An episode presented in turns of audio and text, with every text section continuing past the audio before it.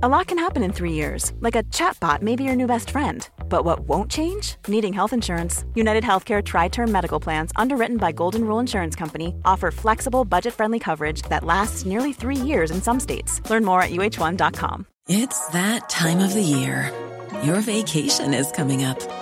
You can already hear the beach waves, feel the warm breeze, relax, and think about work. You really, really want it all to work out while you're away. Monday.com gives you and the team that peace of mind. When all work is on one platform and everyone's in sync, things just flow wherever you are. Tap the banner to go to Monday.com. Hey there, it's Michelle Norris. I'm host of a podcast called Your Mama's Kitchen. When I travel, I'm usually looking for a way to find a taste of home when I'm not at home. And one of the things I love to do when I am at home is entertain. And Airbnb allows me to do that. When I was in California recently, I rented a house that had a great kitchen. And when we were sitting around the table, we're all thinking, we're in someone else's house. Someone could be in all of our homes as well. If you have a home, but you're not always at home, you have an Airbnb. Your home might be worth more than you think. Find out how much at airbnb.com/slash host.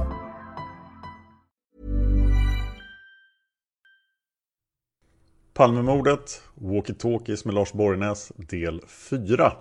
Det här avsnittet görs i samarbete med PRS Media. PRS Media är det lilla företaget med den stora kompetensen inom journalistik, översättning och dubbning.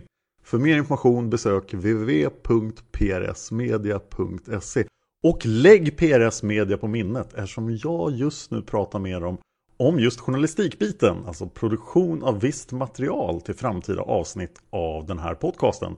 Och mer kan jag inte säga om det just nu. Och nu mer walkie-talkie diskussion med Lars Borgnäs. Sveriges statsminister Olof Palme är död. 90 000. Ja, det är mord på Sveavägen. Hörde de säger att det är Palme som är skjuten.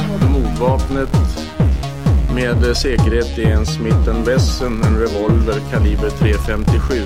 Inte ett svar. Finns inte ett svar. För jag har inget. Och jag har inte varit Varför skulle jag Polisen söker en man i 35 till 40-årsåldern med mörkt hår och lång mörk rock. Så kom vi till en som är en uppgift som är eh, nära på lika stark och som jag tycker geografiskt, tidsmässigt eh, mycket nära kopplad till mordet. Det är Magnus P som du har kallat honom här. Just det. Och hans fru som hade varit på bingo eh, nere i Hötorgshallen, Hö, Hötorgs, eh, Hötorgs tunnelbana. Och där nere i tunnelbanan, Ja, bingohallen som fortfarande finns kvar. Ja, just det. Och spelat som de gjorde ibland. Och som eh, den 24 mars 86 anmälde till polisen att de hade, han och hans fru, när de hade rest sig från bingosalen och gått ut upp på gatan och mot sin bil som stod parkerad på Oxtorgsgatan som är alltså eh, den första tvärgatan eh, söder om Kungsgatan kan man säga. Det. Det är kanske 200 meter, 250 meter från mordplatsen. Väldigt nära den berömda klubben Oxen. Just precis. Och när de kommer till bilen så öppnar dörren så kommer enligt Magnus eh, så, eh, först då så kommer en, en man snäddande över Sveavägen i riktning från mordplatsen med svart walkie-talkie mot bröstet och den lägger han märke till, den har en röd knapp på änden av antennen. Är de då, är Magnus då på västra eller östra sidan av Sveavägen? Det är östra sidan. Okej. Så det är samma sida som mordplatsen men alltså tre Så kvarter. jag tänker på att mannen kommer sneddande. Mm. Så då måste han komma från fel sida. Västra trottoaren, ja, Ja. just det. Mm.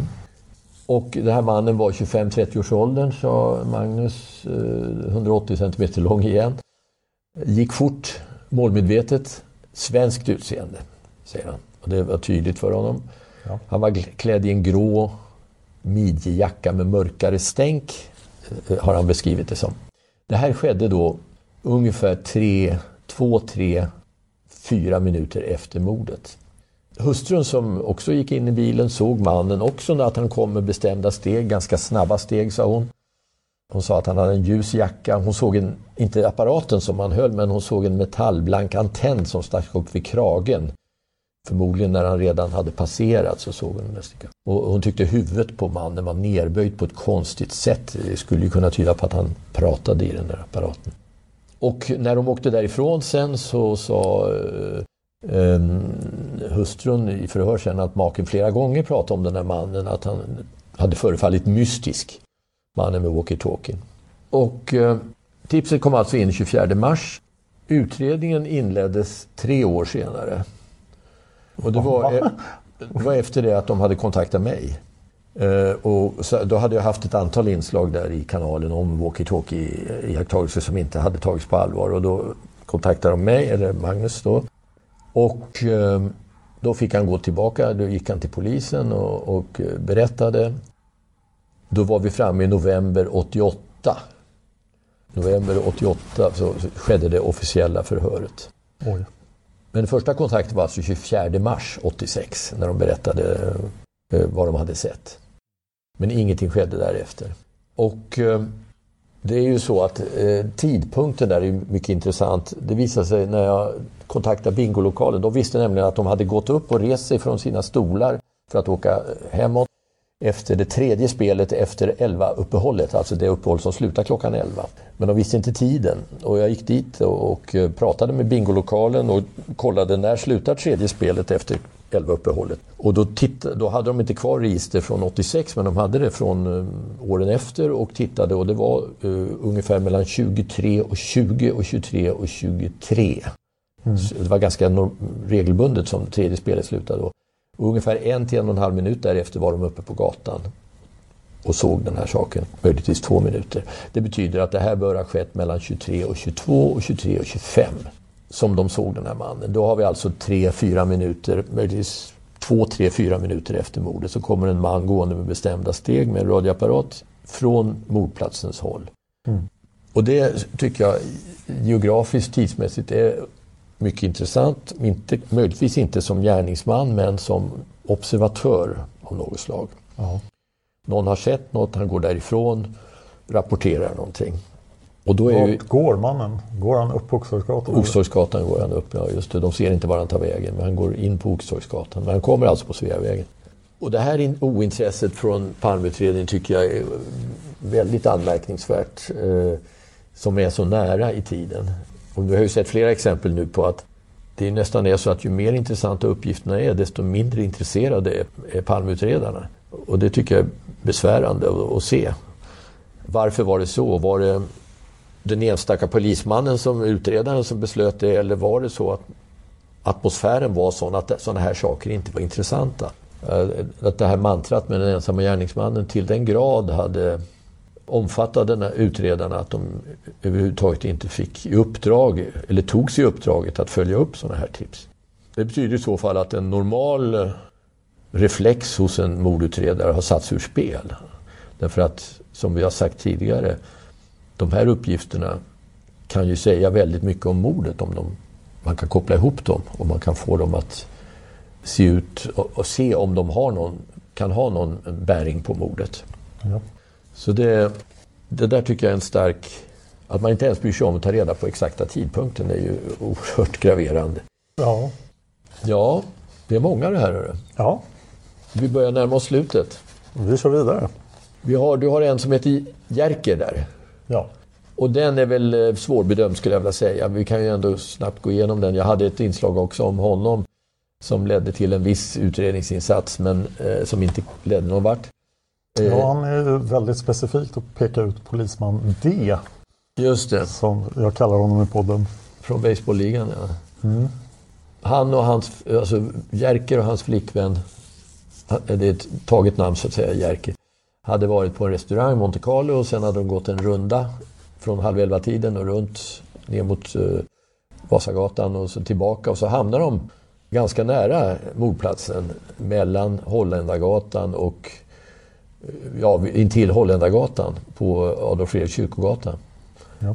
Då såg de en man som, de, som Jerker då senare kom att identifiera som polisman D. Ur baseballligan. Och eh, sen eh, kom de fram till mord. De gjorde ett kort uppehåll i en portgång. och vänslades någon stund där och sen eh, det var någon man som sprang ut ur porten också väldigt snabbt. Men det vet man inte vad det har med saken att göra. Men sen gick de till, vidare till Sveavägen och då såg de att mordet just hade skett. Mm. Upplivningsförsök pågick. De gick därifrån, tittade till men bara gick därifrån. De visste ju inte att det var Palme det handlade om. Mm. Och Jerker sa då att till mig, när jag så småningom fick kontakt med honom i 88, att han hade anmält det här veckan efter mordet. Den här mannen som stod på gatan med walkie-talkien. Den där atletiska mannen. Men inte fått någon återkoppling.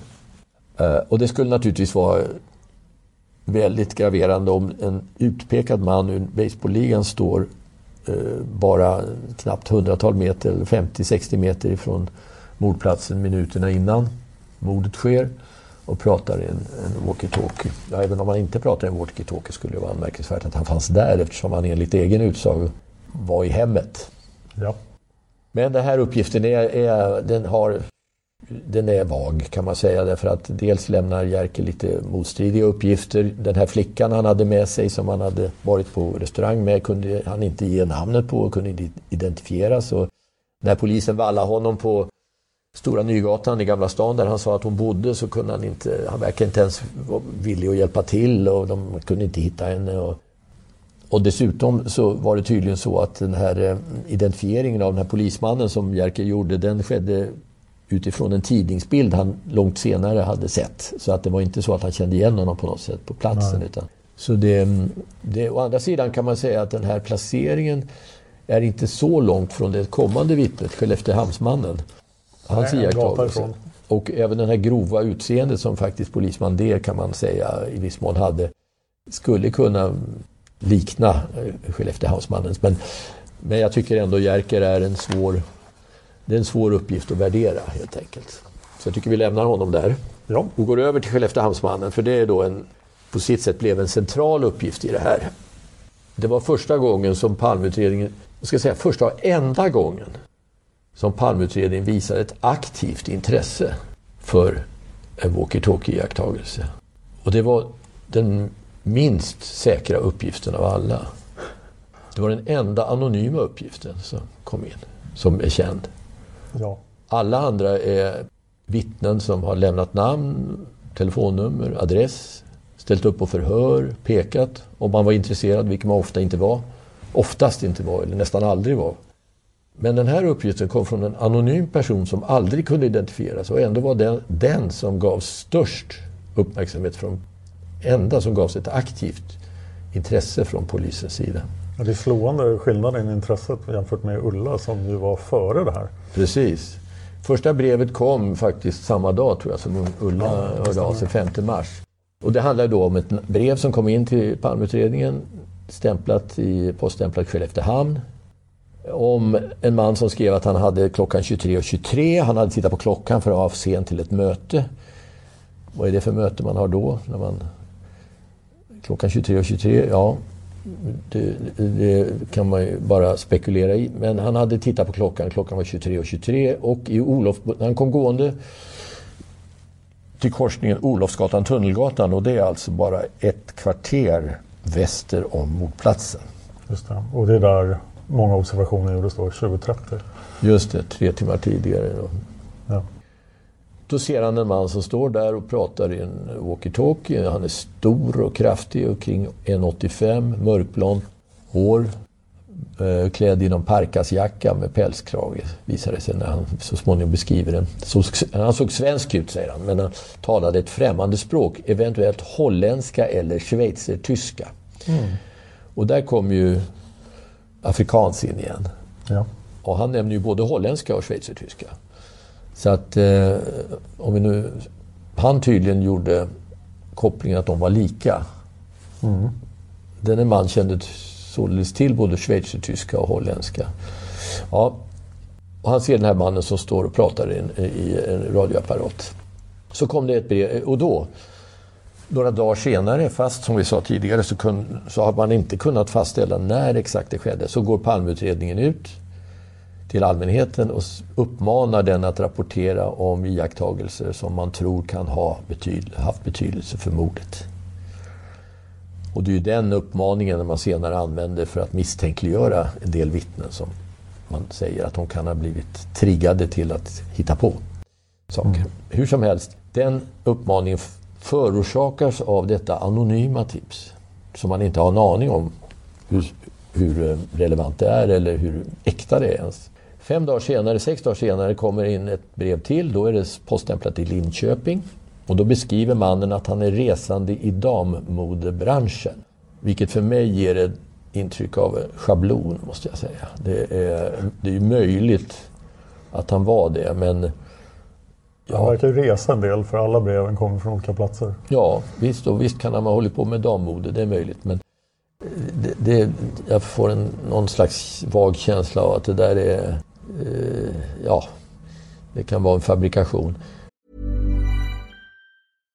How would you like to look five years younger? In a clinical study, people that had volume added with Juvederm Voluma XC in the cheeks perceived themselves as looking five years younger at six months after treatment. Look younger, feel like you. Add volume for lift and contour in the cheeks with Juvederm Voluma XC. Reverse signs of aging by adding volume to smooth laugh lines with Juvederm Volure XC. For important safety information and to find a licensed specialist, visit juvederm.com. That's J U V E D E R M.com. Not for people with severe allergic reactions, allergies to lidocaine, or the proteins used in Juvederm. Common side effects include injection site redness, swelling, pain, tenderness, firmness, lumps, bumps, bruising, discoloration, or itching. There's a risk of unintentional injection into a blood vessel, which can cause vision abnormalities, blindness, stroke, temporary scabs, or scarring. Talk to a licensed specialist to find out if it's right for you.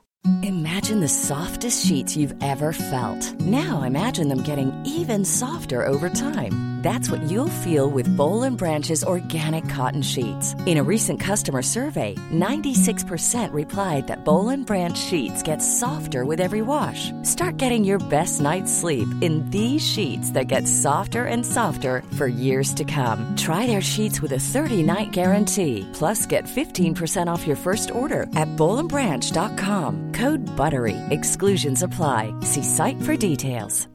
One size fits all seemed like a good idea for clothes. Nice dress. Uh, it's a it's a t-shirt. Until you tried it on. Same goes for your healthcare. That's why United Healthcare offers a variety of flexible, budget-friendly coverage for medical, vision, dental, and more. So whether you're between jobs, coming off a parent's plan, or even missed open enrollment, you can find the plan that fits you best. Find out more about United Healthcare coverage at uh1.com. That's uh1.com. Ja, då skriver han i varje fall att den här iakttagne mannen hade sagt Das Auto, Das Auto. Med betoning på första stavelsen i, i walkie-talkie. Det är ju underligt just eftersom man pratar om holländska och schweizertyska. Och det, nu är jag ingen lingvist, men det utmärkande för både holländska och schweizertyska är ju att man eh, gör mycket distinktare ljud. Alltså att S blir SCH-ljud och så här blir annorlunda än vanlig tyska. Att det låter som att man pratar tyska väldigt sluddrigt och ja, distingerat. Men i, i just Das Auto, Das Auto så tror jag att skillnaden är särskilt stor från schweizertyska och tyska. Ja, ja, jag känner inte till det men det är, nog, det, är, det är intressant om det är som du säger. Fem års tyska studier så att jag ja, är jag ingen förstår. expert. Nej, nej, men det är intressant och det är väl sån analys som man antar att utredarna Eftersom det där är en väldigt precis uppgift. Mm. Sen kan man ju lägga till att även på finska heter ju bil auto. Även om det inte heter Das Auto så heter det ändå Auto. Uh, och, uh, det skulle ju då kunna vara intressant med hänsyn till uh, Dekorima-mannen som jag tidigare sagt. Ja. Das Auto stämmer inte på finska men Auto är ju, ett, är ju finska bilen, namnet för bil. Eller ordet mm. för bil. Och så skickade han med en teckning eh, som han själv hade gjort. Det var väldigt bra gjord, tycker jag. Eller, ja, en inte oäven teckning av en, ett ansikte då, ganska grovt ansikte på den här mannen. Eh, sen kom det in eh, två brev ytterligare de följande åren, 87-88, poststämplade i Stockholm respektive Luleå. Eh, och då var det ytterligare uppgifter, bland annat om att, eh, han, hade, att han var rädd att han hade blivit hotad och att även han hade uppmanats av släktingar att hålla tyst. Och eh, det är ju också märkligt kan man säga att han då hade han alltså berättat det för släktingar men ingen släkting har ju senare hört av sig, varken förr eller senare. Så att eh, det kan ju väcka tankar vad, vad, på vilket sätt hade han berättat om detta och eh, vad hade han sagt till dem? Eh, och så vidare. Men faktum är att polisen, Palmeutredarna, har aldrig kommit fram till vem det här var. Det har funnits en hel del teorier. Och de har lagt ner en del energi på att försöka hitta honom. Det har de gjort. Men eh, det var som att hitta en nål i en höstack. Därför att man vet ju inte om de här uppgifterna stämmer. Nej. Man har ju ingen garanti för att någonting överhuvudtaget stämmer. Det kan ju vara en del som stämmer men det kan vara anknytning till Skelleftehamn eller kan, kan ju vara felaktig. Han har ju varit där och skickat första brevet men det behöver inte betyda att han bodde där. Och då undrar man ju hur någon har lyckats hota honom om han är så svår att hitta. Ja, det är en underlig uppgift att det, det blir lite för mycket där eh, på slutet i hans brev. Mm. Men man vet att det är samma person som skrivit de här breven, handstil och så? Ja, det gjordes handstilskontroller och eh, det, de tre första, om jag minns rätt nu, så kunde man säga att det var stor sannolikhet var. Sen var det mer osäkert med det fjärde. Men återigen, skärpan i det här, eller stringensen i uppgifterna och det här faktum att han är anonym, bristen på, på exakthet så att säga och klarhet mm. gör ju att det är förvånande att man la så mycket vikt vid detta jämfört med den eh, brist på intresse man hade för oerhört mycket tydligare tips. Ja. Nu kan man ju säga att den här, om det är sant, en riktig uppgift så, så är det ju väldigt troligt att det hade med mordet att göra. Någon som står och ropar i radio om en bil då tänker man naturligtvis på någon form av flyktbil som ska placeras på rätt ställe eller någonting sånt där. Ja, min, min första tanke är ju att Palme gick över gatan, flyktbilen står på fel ställe. Mm. Vi måste flytta flyktbilen. Mm. Visst. Eh, men eh, gått över gatan hade han ju gjort redan eh, åtta minuter, eller de gjort redan åtta minuter tidigare. Så att det måste ha kommit som en överraskning i så fall för den här personen. Ja, det skulle ju kunna vara så att de vet att Palme gick över gatan men att nu springer gärningsmannen åt ett annat håll än vad som var tanken och nu måste vi flytta bilen dit. I och för sig, de borde ha flyttat bilen tidigare. Det stämmer mm, Ja, det är svårt att säga. Jag, visst, nej men det, det, finns flera möjligheter. Eller kanske det han säger, att bilen är på väg, oroa inte. Ja, varför inte? Så ja, visst, det, det, är ju ingenting som säger att, med någon säkerhet att det här är ett eh, ointressant tips. Men för mig är det besynnerligt att den här, som sagt, den här eh, eh anonyma tipsaren, den enda som, som jag sa förut, anonyma tipsaren, ägnas så stort intresse med tanke på hur ointresserad man var om, om, eh, av andra. Sen är det det här med holländska och schweizertyska återigen. Är det Sydafrika-kopplingen, den ligger ju nära till hands igen, precis som de här tipsen ifrån uh, Gamla stan som vi hörde om tidigare. Och det, det är en intressant detalj att han nämner just det. Men inte det uppgifter som redan har gått ut i tidningarna? För Lisbets första förhör har läckt vid det här laget. Mm. Och hon nämner ju, hon nämner inte schweizertyska men hon nämner de här männen i Gamla stan och saker. Ja, men just det här språket, att det skulle vara eh, afrikansliknande språk. Det, det kanske inte har stått. Nej, det undrar jag. Så att det, det är ju en, eh, det är ju en ganska precis uppgift, holländska, schweizertyska. Det, det skulle ju möjligen kunna tyda på att det är en äkta uppgift, det man faktiskt har hört. Eller att det är någon som vill peka åt Sydafrika-hållet. Kan det vara. Det är, det är ju rätt tydligt finger åt det hållet ja, kan man Sydafrika säga. var väl aktuellt från första dagen. Ja, ja visst. Med tanke på ANC-konferensen. Ja, så jag säger inte att det är ett falskt eller ett ointressant, eh, men det är bara anmärkningsvärt. Om man nu har tänkt sig att det kan finnas walkie-talkie-män kring mordet så borde man ju ha undersökt andra tips som kom in mm. som skulle kunna vara kopplade till det här. Även om man i dem inte, de vittnen inte hörde att, att eh, det pratades just på det språket. Ja, det är väldigt märkligt att efterlysa tips och sen behandla dem på det här sättet. Mm. Jo, det kan man tycka. Det, I stora, I stora hela så utmärks Palmeutredningens eh, utredning av walkie-talkie-tips av ett stort ointresse. Eh, och att man tvingades till mer eller mindre att utreda vissa eh, utav de här tipsen. Det kommer att bli tydligt i, vår, i nästa också. Ja, nästa... I det här. Åke Malmström. Yes. Mm. Det är en lite annan karaktär. Eh, vittnet är ju alldeles utmärkt. Alltså en fotograf, erfaren eh, tidningsfotograf som brukar höra på polisradion i sin bil. Det, det, gör man ju ofta när man är journalist eller fotograf och sysslar med kriminalreportage. Eh, han hade varit på en, eh, en middag på restaurang Tennstopet och eh, gick tillbaka till sin bil kring 23.35. Han var ju nykter då eftersom han tydligen körde bil. Eller eftersom han körde bil så, så, så han, hade han inte druckit på den här festen. Ja. 23.35 kommer han in i sin bil, sätter på tändningen. Han står alltså vid, eh, ungefär vid Sabbatsbergs sjukhus, eller det som Eastman-institutet där på Dalagatan. Och när han sätter på polisradion hör han väldigt snabbt efteråt eh, den här numera berömda eh, dialogen. Hallå där uppe, hur är det? Jävligt kallt. Och sen kommer bara statsministern skjuten. Och så är det tyst.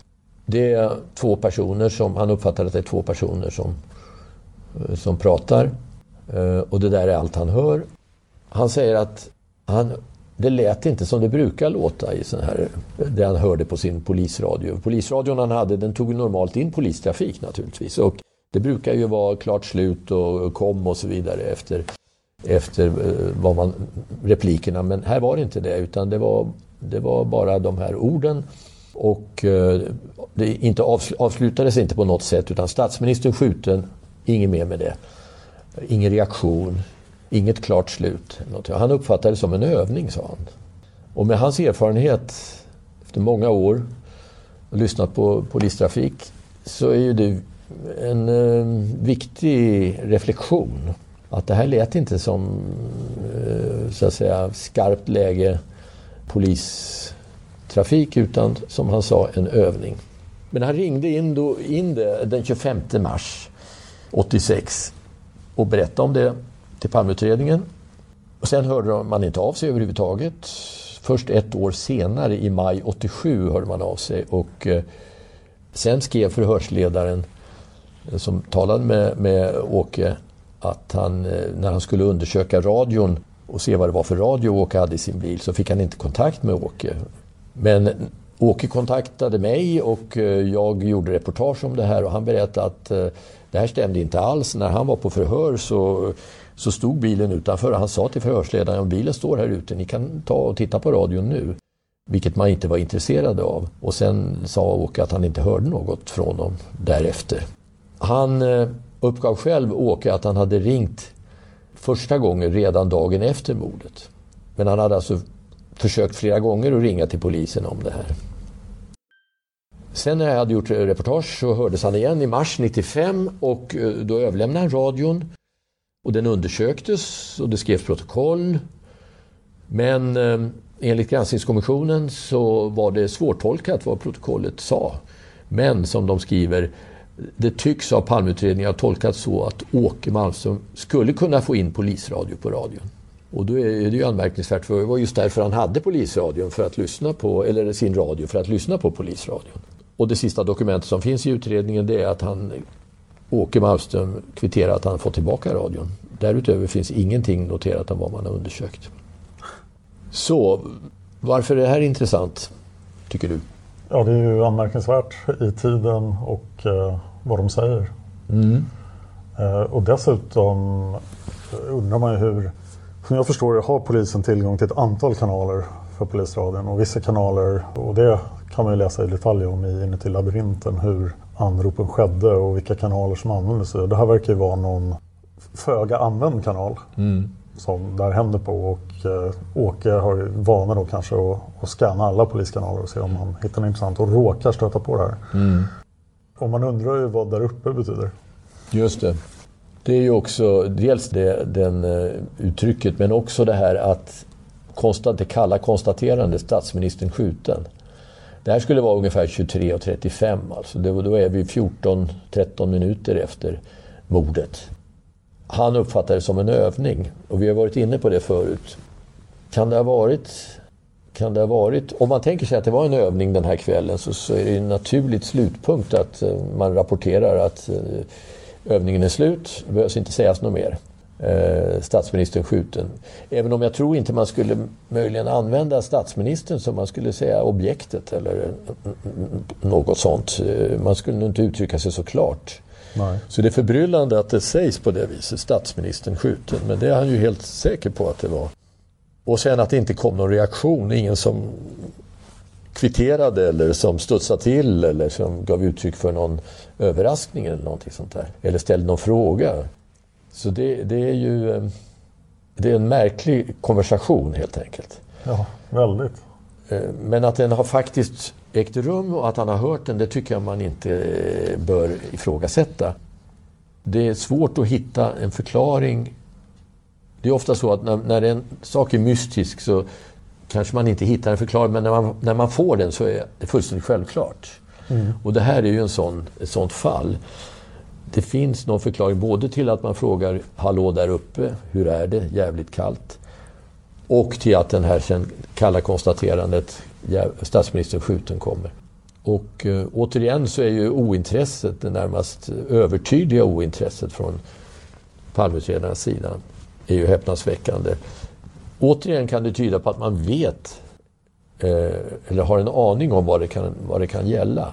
Och eh, att man inte tycker att det förtjänar att nå ut till allmänheten eller att det är någonting som bör omfattas av sekretess. Eller det, det, det är tänkbart. Och det gäller ju överhuvudtaget. Men walkie-talkie, nu har vi kommit till slutet av vår lista. Att, att eh, man kan inte utesluta att palmutredarna har vetat mer än vad de har sagt och som har gjort att de har vetat att sak, de här sakerna är ointressanta för mordet.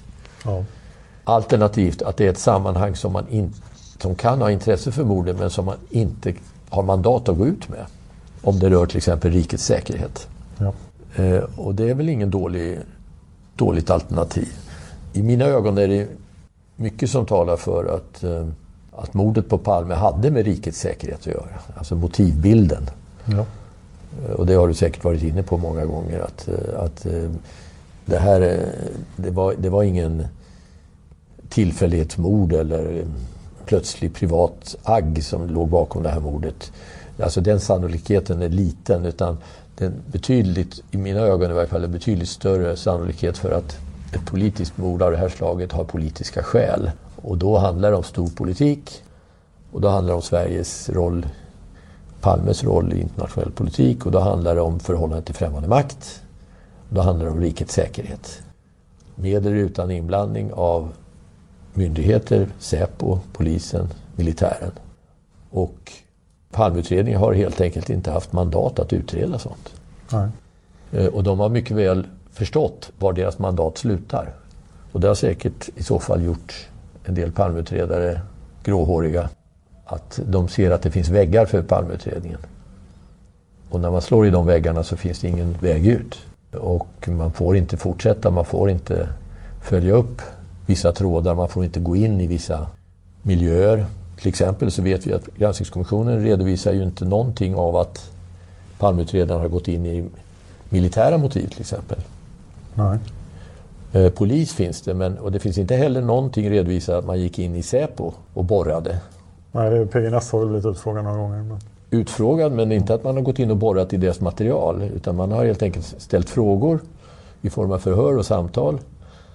Men vi vet ju när granskningskommissionen avslutade sitt arbete så blev det en ganska häftig dialog mellan eh, granskningskommissionen och Säpo därför att kommissionen skrev att de inte hade fått gott samarbete med Säpo och fick inte tillgång till allt material. De fick ställa frågor och så fick de ta det de fick helt enkelt. Men de hade ingen möjlighet att gå in själva och titta i Säpos akter och så vidare. Och det har faktiskt ingen haft möjlighet att göra. Det är ju i sig ganska märkligt. Ja, och det tyckte kommissionen också. Så pass lång tid efter mordet också. Att de ville göra det och inte fick. Ja, och det, var, det handlar ju om över tio år efter mordet. Som, som, eh, men fortfarande så har Eh, så vitt känt Palmeutredningen inte haft på något sätt fri tillgång till Säpos akter och arkiv, ej heller till den militära sidan. Eh, och det betyder att det finns mörka fält som palmutredarna aldrig har kunnat följa upp, där de aldrig har kunnat gå in. Och eh, skulle det handla om främmande makt, förhållande till främmande makt, rikets säkerhet och ett politiskt motiv så kan det vara förklaringen till att man inte har kommit någon vart på 31 år. Ja, det är anmärkningsvärt. Mm. Har du någon, någon personligt önskemål om vad Palmeutredningen borde fokusera på nu? Eh, Ja, det har jag väl. Eh, Jag vet ju att de har sagt det här med walkie-talkie-iakttagelsen och det, så det behöver man inte tala om. Men Men eh, finns den eh, viljan kvar efter att Dag Andersson gick i pension? Eh, Det kan man ju undra. Eh, Det skulle man fråga de nya eh, utredarna. För mig är det ju fortfarande, eller jag ska säga för mig är det tydligt att man inte har tillräckligt noggrant studerat mordplatsen och själva mordet, hur det gick till. Och eh, likaså att man inte har eh, tagit eh, Lisbeth Palmes uppgifter på allvar i den meningen att man har försökt få henne att berätta vad som verkligen hände. Utveckla gärna. Ja, det hon har berättat om vad som, hur hon uppfattar vad som hände på mordplatsen kan inte stämma med det verkliga skeendet. Är det någon särskild detalj du tänker på? Det är det. Och det kan vi ta i ett annat sammanhang. Men eh, det, det tror jag palmutredarna också är medvetna om. Och vad de har gjort för försök där att komma vidare med Lisbeth Palmes uppgift, det vet jag inte. Men det är alldeles tydligt att eh, som jag ser det så har Lisbeth Palme eh, fortfarande att bidra med uppgifter som skulle kunna värde, vara av värde för utredningen. Och det tycker jag vore högst angeläget för palmutredarna att eh, ägna sig åt. Ja. Jag har några frågor från lyssnare till dig om du är Mm. villig att besvara dem. Yes. Ja, första frågan rör eh, Stig E. Skandiamannen. Mhm. Och den här lyssnaren noterar att eh, du har inte berört honom särskilt mycket. Och eh, har du några, några åsikter om Skandiamannen? Ja, det är sant att jag inte har berört honom särskilt mycket. Och eh, det betyder inte att jag tycker han är ointressant. Eh, han är ju en, en av de personer som är, utgör ja, ett stort frågetecken var han, uh, varför han uh, var där han var. Ingen har sett honom egentligen på platsen. Ingen kan bekräfta att han har gjort det han har sagt. Men han har utan tvekan varit på platsen. Och det kan man ju uttala sig om därför att han i det första förhöret redan på lördagen, dagen efter mordet, så säger han att han såg en man i blå täckjacka inne på Tunnelgatan på den plats där faktiskt vittnet Lars stod. Det betyder att han var där, Engström. Eh, Jag har ju lekt med tanken att eh, hans, eller funderat på att eh, likheten mellan honom och, och den man som springer på David Bagares gata, den är ju anmärkningsvärd. Den är slående. Med en, en em, väska och eh, han är ju ja, han är den enda som har en eh, väska som, som han eh, håller i handen och eh, det behöver inte betyda att det är samma person men man kan ju fundera på om det kan ha varit han som sprang upp på David Bagare och misstogs för gärningsman. Jag tror inte att han är gärningsmannen. För I mina ögon är gärningsmannen en helt annan person. En väldigt speciell människa. Ja.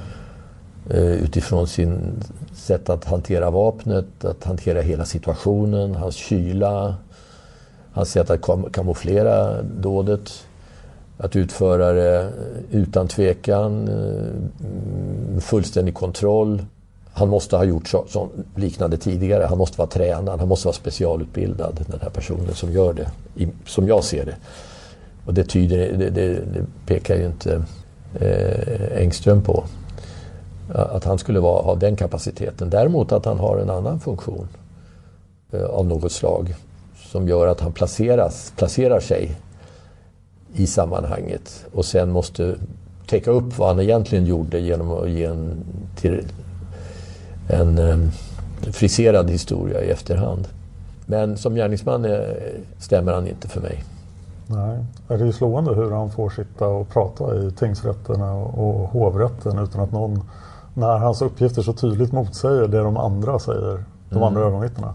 Och ingen ifrågasätter honom. Mm. Jag tror ingen visste egentligen vad, vad han var för en person. Nej. Han var en lite udda fågel i det här sammanhanget. Och, eh, jag har ju aldrig träffat honom. Jag vet inte så mycket om hans privata förhållanden och, och eh, vilken bakgrund han kan tänkas ha haft om han var mm, samarbetad på något sätt med någon myndighet. Jag vet att det finns de som driver väldigt starkt att han kan vara en tänkbar gärningsman. Där håller jag inte med. Men, men att han är intressant. Men jag har helt enkelt inget svar att ge. Jag, jag kan inte bidra med, när det gäller honom mer än, än andra. Det var ett bra svar tycker jag. Eh, Sen är det lyssnare som vill ge komplimanger för din grävande journalistik. Och eh, oavsett om de teorier du har stämmer eller inte så är det värdefull information och precis den typ av kritiskt tänkande och kritisk journalistik som hela journalistkåren borde ägna sig åt. Jaha, ja, tack. Hur ser du på medias roll i utredning? Det var en bred fråga. Ja, det kan man väl säga att jag är...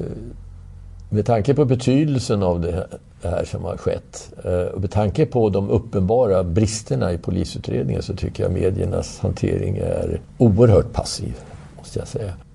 En tidning som Dagens Nyheter har mig vetligen aldrig gjort en ordentlig och grundlig granskning av fallet. Eh, vilket jag tycker borde ha varit deras och även andra mediers skyldighet. Många kriminalreportrar har tvekat i, i alla år, ända från början, att komma i motsatsställning till Palmeutredarna. Eh, förmodligen är det rädsla för att eh, sumpa sina källor och kontakter. Eh, jag hade inga sådana problem eftersom jag, jag var inte kriminalreporter från början så jag hade inte den risken. Men jag, jag upplevde ju, uppriktigt sagt så upplevde jag under en period, första tio åren, att medierna, när de inte själva kunde bidra med någonting i form av grävande journalistik, så häcklade de och eh, ställde sig på polisens sida i, i attityden till eh, mig och de andra. Det var ju inte bara jag, utan några andra journalister. Jag har redan nämnt Thomas Bresky och Maja-Lena Rodelius och andra som de kallade privatspanare. Och, och det där var väldigt obehagligt tycker jag. En obehaglig tendens hos journalister att eh, dels svika sitt uppdrag som jag tycker man gjorde och dels ganska fegt eh, liera sig med de som man var satt att granska. Och dessutom eh, underlåta eh, sitt uppdrag att, att, eh, att gå vidare på de brister som, som har funnits.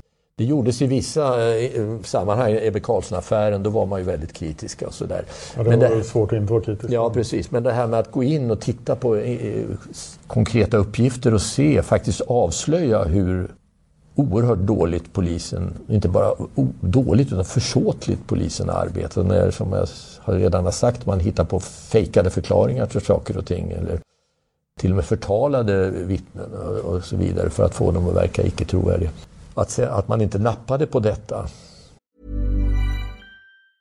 Hi, I'm Daniel, founder of Pretty Litter. Did you know cats tend to hide symptoms of sickness and pain? I learned this the hard way after losing my cat, Gingy. So I created Pretty Litter, a health monitoring litter that helps detect early signs of illness by changing colors, saving you money and potentially your cat's life. Pretty Litter is veterinarian developed, and it's the easiest way to keep tabs on your fur baby's health right at home. Go to prettylitter.com and use code ACAST for 20% off your first order and a free cat toy. Terms and conditions apply. See site for details.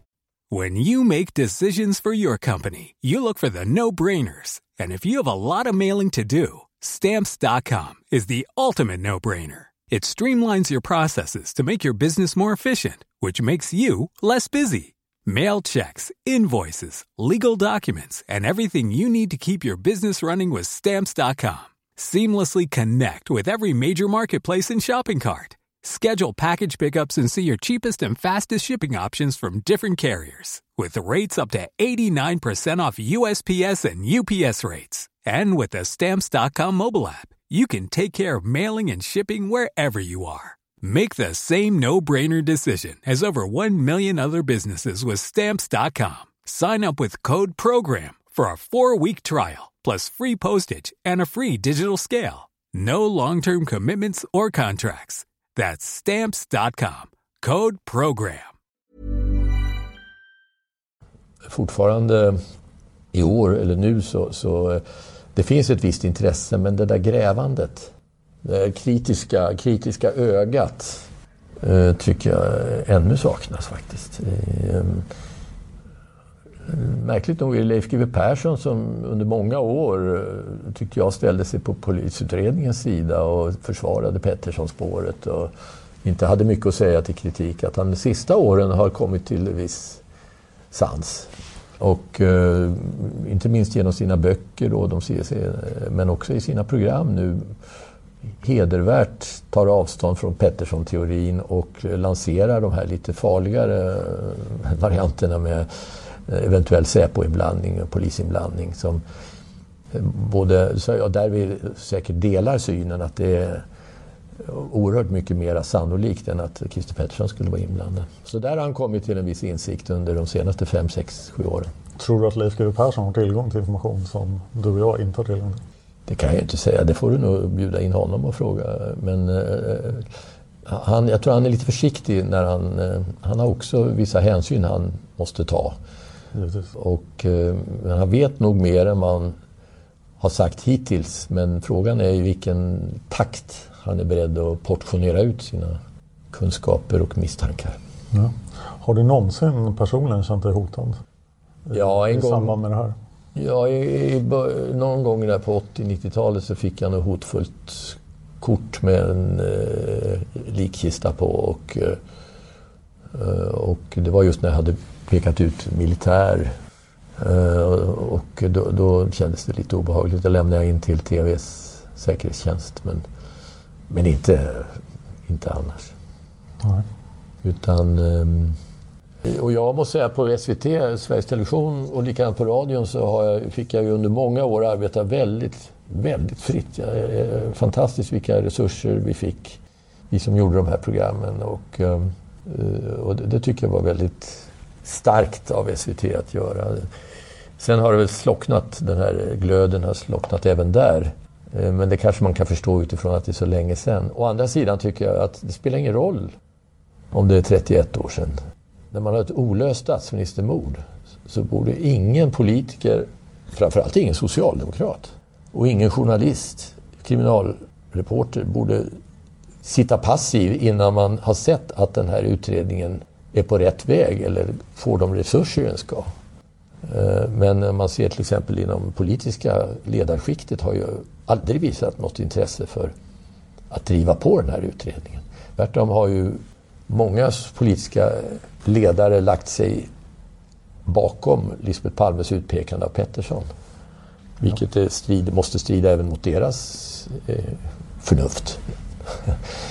Så att det är ju bara en, en säker hamn att ligga i för att slippa ta några initiativ i en historia som, om man undersöker den noggrannare, bland annat utifrån det vi har talat om idag, så, risk, så kommer man att hitta betydligt värre, betydligt värre sanning än vad Pettersson innebär.